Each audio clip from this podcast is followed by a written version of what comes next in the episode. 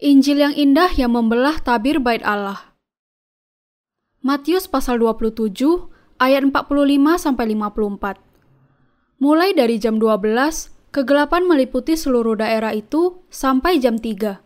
Kira-kira jam 3, berserulah Yesus dengan suara nyaring.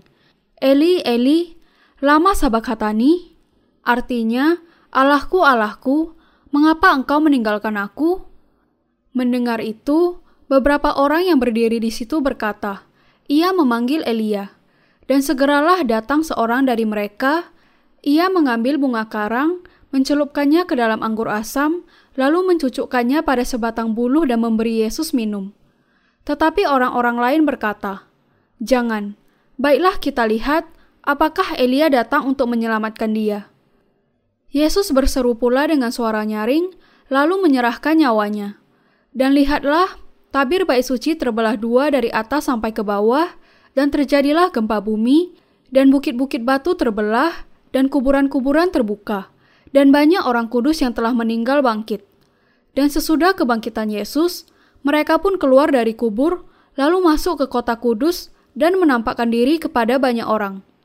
Kepala pasukan dan prajurit-prajuritnya yang menjaga Yesus menjadi sangat takut ketika mereka melihat gempa bumi dan apa yang telah terjadi lalu berkata, "Sungguh, ia ini adalah Anak Allah." Mengapa tabir bait Allah terbelah ketika Yesus menyerahkan nyawanya di kayu salib? Karena kerajaan Allah terbuka kepada mereka yang percaya kepada baptisan Yesus dan penyalibannya. Untuk bisa memahami kebenaran Injil yang indah ini, orang terlebih dahulu harus tahu dan memahami sistem korban yang dibentuk untuk pengampunan dosa manusia di hadapan Allah dalam Perjanjian Lama. Anda harus tahu dan memahami kebenaran itu. Sesuai dengan korban perdamaian kuno, seperti yang tercatat dalam Imamat pasal 16 dalam Perjanjian Lama, imam besar meletakkan tangannya di atas seekor domba hidup dan memindahkan kepada domba itu semua dosa bangsa itu yang terkumpul selama setahun. Kemudian, atas nama orang Israel, korban itu kemudian disembelih dan imam besar memercikkan darahnya ke tutup pendamaian. Inilah pendamaian bagi seluruh bangsa Israel. Lalu, mereka yang percaya kepada penumpangan tangan, darah, dan firman Allah diperbolehkan masuk ke pelataran kudusnya. Para imam selalu masuk ke bagian depan bait Allah untuk melakukan korban itu. Tetapi dalam bagian yang kedua, di ruang maha kudus, hanya imam besar yang bisa masuk ke sana sekali dalam setahun tetap dengan penumpahan darah yang dipersembahkan untuk dirinya sendiri dan bagi dosa bangsanya yang dilakukan karena ketidaktahuan. Ibrani pasal 9 ayat 6 sampai 7. Jadi, imam besar sekalipun tidak diperbolehkan masuk ke tempat maha kudus tanpa darah korban yang dipersiapkan melalui penumpangan tangan dengan iman. Dalam perjanjian baru, Yesus Kristus berkorban untuk kita. Dalam perjanjian baru, dikatakan bahwa seseorang bisa masuk ke dalam kerajaan surga melalui kepercayaannya akan baptisan Yesus dan darahnya di kayu salib. Kapankah tabir bait Allah terbelah dari atas ke bawah? Pada saat Yesus disalibkan, setelah ia datang ke dunia ini dan dibaptiskan oleh Yohanes. Apa maksud dari peristiwa itu?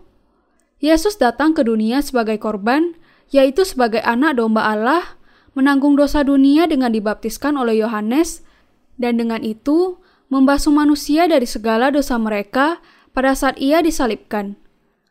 Terbelahnya tabir adalah lambang bahwa dosa yang memisahkan kita dengan Allah telah dihilangkan melalui baptisan Yesus dan darahnya di kayu salib. Yesus sendiri menghancurkan pemisah ini dengan membayar upah dosa yaitu maut. Yesus dibaptiskan dan disalibkan untuk menanggung dosa dunia. Inilah alasan terbelahnya tabir bait Allah menjadi dua. Sama seperti para imam bisa masuk ke kemah suci dengan iman kepada penumpangan tangan, sekarang kita bisa masuk kerajaan surga dengan kepercayaan kita kepada baptisan Yesus dan darahnya. Pada saat Yesus disalibkan, ia berseru dengan suara nyaring, Eli, Eli, lama sabakhatani, yang berarti, Allahku, Allahku, mengapa engkau meninggalkan aku? Matius pasal 27 ayat 46 Ketika ia menyerahkan nyawanya, ia berkata, "Sudah selesai." Yohanes pasal 19 ayat 30. Yesus ditinggalkan oleh Bapaknya di kayu salib untuk sesaat karena ia menanggung dosa segala dunia sejak baptisannya di Sungai Yordan. Ia mati bagi keselamatan manusia. Sebagai hasil dari baptisan Yesus dan darahnya di kayu salib, semua yang beriman kepadanya diselamatkan. Karena kita dilahirkan sebagai orang berdosa dan ditentukan untuk menjalani hukuman, Yesus dibaptis untuk menanggung segala dosa kita. Gerbang kerajaan surga tertutup rapat sampai Yesus menghapuskan segala dosa kita. Ketika Yesus dibaptiskan oleh Yohanes dan mati di kayu salib, tabir bait Allah terbelah dua dari atas ke bawah, supaya semua orang yang percaya kepada Injil yang indah itu bisa masuk ke dalam bait Allah surgawi. Saya bersyukur kepada Tuhan bahwa saya memiliki iman kepada Injil air dan roh. Saya sekarang bisa masuk ke dalam kerajaan surga melalui kepercayaan saya kepada Injil yang indah yang digenapkan Yesus melalui baptisan Yesus dan darahnya. Saya tidak bisa mencapai keselamatan melalui kekuatan, usaha, atau kelebihan saya sendiri. Berkat yang membawa saya ke dalam kerajaan surga tidak saya peroleh melalui doa, persembahan, atau perenungan. Seseorang bisa diselamatkan dari dosa hanya dengan percaya kepada baptisan Yesus dan darahnya di kayu salib. Seseorang bisa masuk ke dalam kerajaan surga hanya melalui Injil yang indah ini. Yesus adalah pintu masuk ke dalam kerajaan surga. Tidak ada kepercayaan yang lain yang diperlukan untuk mereka yang telah percaya Yesus. Jalan ke surga tidak diberikan sebagai imbalan atas persembahan seseorang, usaha duniawi, atau perbuatan baik. Satu-satunya yang sangat diperlukan agar orang percaya bisa masuk kerajaan surga adalah iman di dalam baptisan Yesus di Sungai Yordan dan darahnya di kayu salib. Percaya kepada air, baptisan Yesus di Sungai Yordan, dan darahnya salib akan membawa Anda ke dalam kerajaan surga. Orang-orang yang masih memiliki dosa, meskipun mereka telah percaya kepada Yesus, perlu percaya kepada satu hal, Injil air dan roh. Kamu akan mengetahui kebenaran, dan kebenaran itu akan memerdekakan kamu. Yohanes pasal 8 ayat 32. Kita tidak tahu pasti kapan kita akan mati, tetapi Yesus tahu segala sesuatu. Ia tahu sifat dosa kita dengan baik, sehingga ia membasuh segala dosa kita melalui baptisan dan darahnya di kayu salib sekitar 2000 tahun yang lalu. Kita harus percaya kepada Injil yang indah yang membelah tabir bait Allah menjadi dua. Juru selamat dilahirkan melalui seorang darah untuk menyelamatkan manusia dari segala dosa mereka. Dan melalui baptisannya saat ia berusia 30 tahun di sungai Yordan, Yesus menanggung segala dosa dunia. Segala dosa manusia yang diakibatkan karena kelemahan dan ketidakberdayaan diampuni karena Yesus. Baptisan dan darahnya adalah kunci kekal kepada keselamatan semua manusia. Yesus dibaptiskan dan mencurahkan darahnya di kayu salib, dan sekarang semua yang memiliki iman kepada Injil ini bisa masuk kerajaan surga. Tabir bait Allah terbelah ketika Yesus menyerahkan nyawanya di kayu salib. Bagaimana mungkin tabir bait Allah terbelah dua ketika Yesus mati di kayu salib? Alasannya adalah karena keselamatan manusia diperoleh melaluinya di dalam Injil yang indah itu. Dalam Perjanjian Lama, kita melihat mengenai kemah suci Israel. Di sana ada mesbah korban bakaran dan juga bejana pembasuhan. Sesudah bejana pembasuhan adalah bagian dalam kemah suci dan di dalamnya di balik tabir terletak tabut di mana kemuliaan Allah hadir. Tabir itu dibuat begitu kuat sehingga kalau seandainya ditarik oleh empat ekor kuda dari empat arah, maka tabir itu tetap tidak akan terkoyak. Meskipun Raja Salomo mengganti kemah suci dengan bait Allah, bentuk dasarnya sama sekali tidak berubah dan tabir itu tetap ada untuk menutup jalan ke tempat maha kudus. Tetapi tabir itu terbelah dari atas ke bawah ketika Yesus mati dengan mencurahkan darahnya di kayu salib. Ini memberi kesaksian tentang kenyataan betapa indah dan sempurnanya Injil yang digenapi dengan baptisan Yesus dan darahnya. Allah memberkati semua manusia dengan pengampunan dosa dan kehidupan kekal dengan memberi kesempatan kepada mereka yang percaya kepada Injil yang indah itu. Yesus sebagai korban membayar upah dosa ketika ia dibaptis oleh Yohanes dan mati di kayu salib. Alkitab berkata, upah dosa adalah maut. Roma pasal 6 ayat 23. Sama seperti dalam perjanjian lama, seseorang bisa masuk ke bait Allah dengan pencurahan darah korban dan menerima pendamaian atas dosa. Demikian juga kita datang kepada Allah dengan korban kita yaitu Yesus dan diampuni atas segala dosa dan kesalahan kita. Ini adalah kebenaran. Dan perkataan upah dosa adalah maut menunjukkan kepada kita betapa sempurnanya Injil yang indah ini. Jalan ke surga adalah dengan percaya kepada Injil yang indah itu. Terbelahnya tabir bait Allah melambangkan terbukanya kerajaan Allah. Ketika kita memahami Injil ini dan percaya serta berkata, "Oh, Yesus menanggung segala dosa saya." Yesus membayar upah dosa di kayu salib. Pintu gerbang surga terbuka bagi kita. Surga sekarang terbuka bagi mereka yang menerima pengampunan dosa melalui iman mereka kepada baptisan Yesus dan darahnya. Darah Yesus menyelamatkan orang berdosa dari kematian, dan baptisannya adalah cara untuk menanggung dosa semua manusia. Bumi berguncang, dan bukit-bukit batu terbelah ketika Tuhan menyerahkan nyawanya di kayu salib. Saat itulah darah Yesus menetes ke tanah dan mengalir. Saat Yesus mati di kayu salib, segala dosa manusia dihapuskan. Injil yang indah digenapkan, dan semua orang percaya dilayakkan masuk ke dalam kerajaan surga. Inilah kebenaran sejati tentang dilahirkan kembali. Ada banyak ahli yang membuat riset untuk menyangkali bukti bahwa Yesus sungguh-sungguh pernah hidup sebagai manusia. Tetapi mereka tidak bisa bertahan dalam hipotesa mereka menghadapi begitu banyaknya bukti sejarah mengenai fakta kehidupan Yesus. Dia antara mereka, bahkan ada yang kemudian percaya kepada Injil baptisan Yesus dan darahnya. Mereka menyadari bahwa bukti tentang Yesus terlalu kuat untuk disangkal.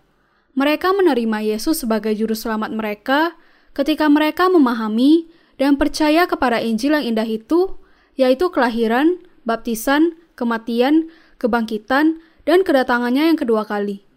Kita tidak menyaksikan baptisan Yesus, maka kita tidak melihat secara langsung peristiwa 2000 tahun yang lalu. Tetapi melalui apa yang telah tertulis, semua orang bisa berhubungan dengan Injil yang indah itu. Yesus menghancurkan penghalang dosa antara Allah dengan manusia melalui baptisan dan darahnya, dan dengan demikian tabir kerajaan surga juga terbelah dari atas ke bawah. Sekarang, semua orang yang percaya kepada Injil yang indah itu, yang digenapi dengan baptisan Yesus dan darahnya, bisa masuk kerajaan surga. Apakah Anda memiliki iman kepada kenyataan bahwa baptisan Yesus dan darahnya, yaitu Injil yang indah ini, adalah kunci untuk masuk ke dalam kerajaan surga? Dahulu, saya juga orang berdosa, yang percaya kepada Yesus sebagai juru selamat, tetapi tidak mengerti tentang Injil yang indah itu. Namun, suatu hari, saya membaca mengenai kasihnya yang tidak bersyarat di dalam Alkitab. Saya kemudian mengerti bahwa ia dibaptiskan untuk saya, mati di kayu salib bagi saya, dan dibangkitkan bagi saya. Yesus menyelamatkan kita dengan dibaptiskan di sungai Yordan dan disalibkan untuk membayar upah dosa karena kasihnya kepada kita. Kita bisa masuk ke dalam kerajaan surga dengan percaya kepada Injil yang indah itu. Inilah kebenaran Allah yang terbesar bagi manusia dan peristiwa yang paling bersejarah di dalam dunia. Semua pelayanannya, kelahirannya, baptisannya di sungai Yordan, kematiannya di kayu salib, dan kebangkitannya adalah untuk menyelamatkan kita dari dosa. Kita sebenarnya ditentukan untuk masuk neraka setelah kita mati. Tetapi Yesus membebaskan jiwa kita dari kekekalan neraka dan memberikan kepada kita Injil yang indah itu sebagai jalan masuk ke dalam kerajaan surga. Saudara yang kekasih, ketika Yesus mati di kayu salib, seorang prajurit menusuk lambungnya dengan tombak dan seketika darah dan air keluar. Inilah yang tertulis di dalam Alkitab. Ini memberi kesaksian tentang kebenaran dari Injil yang indah tentang baptisan Yesus dan darahnya. Apakah Anda menganggap bahwa iman Anda kepada darahnya di kayu salib cukup untuk membebaskan Anda dari segala dosa Anda? Apakah baptisan Yesus kurang penting atau hanya peristiwa yang kebetulan saja terjadi bagi keselamatan Anda? Kalau Anda menganggap demikian, Anda harus bertobat. Kita sekarang harus percaya kepada Injil baptisan Yesus dan darahnya dan mengakuinya sebagai kebenaran Allah. Maukah Anda disucikan dari segala dosa Anda? Sama seperti kita harus membayar segala hutang, kita juga harus beriman kepada Injil air dan roh yang indah itu untuk bisa dibasuh dari segala dosa kita. Kita tidak boleh melakukan dosa, tidak percaya kepada Injil baptisan Yesus dan darahnya. Meskipun kita tidak secara langsung meletakkan dosa kita kepada Yesus, tetapi wakil kita yang bernama Yohanes Pembaptis sudah melakukannya untuk kita. Ketika Yesus mati di kayu salib, beberapa kubur orang kudus di Yerusalem terbuka, dan tiga hari kemudian, Yesus sendiri bangkit dan pergi ke Galilea. Peristiwa ajaib ini benar-benar terjadi, tetapi ada banyak orang yang tidak mau percaya. Tuhan kita memberikan kerajaan surga kepada kita, orang-orang benar yang menerima pengampunan dosa. Kita diselamatkan dan dilahirkan kembali bukan melalui kuasa fisik atau usaha keagamaan kita, tetapi melalui iman kita kepada Injil yang indah itu. Injil ini bukanlah kisah fiksi semata. Segala dosa dunia ditanggungkan kepada Yesus ketika ia dibaptiskan. Tidak ada dosa di dalam dirinya, tetapi ia harus mati di kayu salib untuk membuat pendamaian bagi dosa-dosa yang ditanggungnya pada saat ia dibaptiskan. Ketika Yesus menyerahkan nyawanya, bumi bergetar dan bukit-bukit batu terbuka. Ketika perwira pasukan dan mereka yang ada di dekatnya merasakan gempa bumi dan semua yang terjadi, mereka merasakan ketakutan dan berkata, Sungguh, ia ini anak Allah. Matius pasal 27 ayat 54 Yusuf, seorang kaya dari Arimatea, mengambil tubuh Yesus, membungkusnya dengan kain kafan, dan meletakkannya di kuburan baru miliknya imam besar dan orang-orang Farisi memerintahkan agar kubur Yesus itu dijaga sampai hari yang ketiga. Tetapi Yesus bangkit untuk memberikan kehidupan yang baru kepada mereka yang percaya kepada Injil yang indah itu. Ia pergi ke Galilea, di mana sebelum ia disalibkan, ia berjanji untuk menemui murid-muridnya. Semua hal itu, kelahiran, baptisan, penyaliban, kebangkitan, kenaikan dan kedatangan yang kedua kali, ditujukan untuk mereka yang percaya kepada Injil yang indah itu. Saya juga menjadi saksi yang menyaksikan bahwa Yesus adalah anak Allah yang hidup dan juru selamat saya. Oleh siapa Injil yang benar dikabarkan? Orang-orang yang percaya kepada baptisan Yesus dan darahnya memberi kesaksian mengenai Injil kebenaran yang indah itu. Injil yang indah itu disebarkan melalui kesaksian-kesaksian orang-orang yang telah diselamatkan dari dosa-dosa mereka. Ketika mereka dibebaskan dari dosa-dosanya dengan percaya kepada Injil, Roh Allah mulai memerintah di dalam hatinya, dan Ia mengubahkan orang itu tanpa sepengetahuan orang itu sendiri. Kata-kata yang memenangkan jiwa yang dikatakan oleh Allah secara terus-menerus mengubahkan kehidupan orang benar itu dan memberikannya iman yang semakin kuat. Dan kemudian, orang itu akan memuliakan Allah. Firman Allah ada di dalam dia, dan sebagai hasilnya, ia mengalami pembaharuan hati setiap hari. Dan ketika melihat perubahan dalam kehidupan orang itu, orang-orang akan berkata, "Ia memang orang yang sudah dimerdekakan. Ia menjadi orang Kristen yang sejati dan anak Allah." Bahkan si jahat menerima dan kalah kepada Injil yang indah itu. "Aku dipermalukan," katanya. Tetapi memang benar bahwa tidak ada lagi dosa di dalam dunia ini. Tidak ada lagi orang yang memiliki dosa di dalam hatinya. Karena itu, maka si jahat bekerja di dalam pikiran manusia, mengganggu kehidupan iman mereka. Pekerjaan si jahat adalah untuk mencegah manusia menerima berkat rohani dari Injil. Iblis kalah total dalam peperangan melawan Yesus. Yesus disalibkannya dengan mengendalikan pikiran manusia. Tetapi Yesus sudah menanggung dosa manusia ketika ia dibaptiskan dan ia mati di kayu salib untuk melunasi upah dosa. Untuk alasan inilah ia menyelamatkan sepenuhnya mereka yang percaya kepada Injil itu. Si jahat tidak mampu menghentikan rencana Allah bagi keselamatan manusia dari segala dosa. Yesus membayar upah dosa melalui baptisan dan darahnya untuk menggenapi Injil yang indah itu. Sekarang, tidak ada lagi dosa di dunia ini. Yesus menanggung segala dosa melalui baptisannya dan menghilangkan semua dosa melalui kematiannya di kayu salib dengan berkata, Sudah selesai. Yohanes pasal 19 ayat 30 Iblis kehilangan kuasanya untuk mendakwa mereka yang beriman kepada Injil yang indah itu. Yesus mengalahkan si jahat melalui kelahiran, baptisan, penyaliban, dan kebangkitannya. Masihkah Anda memiliki dosa di dalam hati Anda? Tidak. Orang Kristen bisa dengan yakin berkata, "Aku tidak memiliki dosa di dalam hatiku." Dengan dasar iman mereka kepada Injil kebenaran yang indah. Orang yang percaya kepada Injil yang indah tentang baptisan Yesus dan darahnya tidak memiliki sedikit pun dosa di dalam hatinya. Sekarang, Injil yang indah itu telah dituliskan di loh hati kita. Kita sekarang bebas dari segala rasa sesal di hadapan Allah. Apakah Anda semua percaya bahwa Yesus menanggung dosa Anda melalui baptisannya di Sungai Yordan? Kalau demikian, rasa syukur dan sukacita Anda di hadapan Allah akan menjadi penuh. Dengan beriman kepada Injil yang indah itu, kita telah disucikan dan dibebaskan dari segala dosa dunia. Kita bersyukur kepada Allah. Ia telah melepaskan kita dari kuasa kegelapan dan memindahkan kita ke dalam kerajaan anaknya yang kekasih.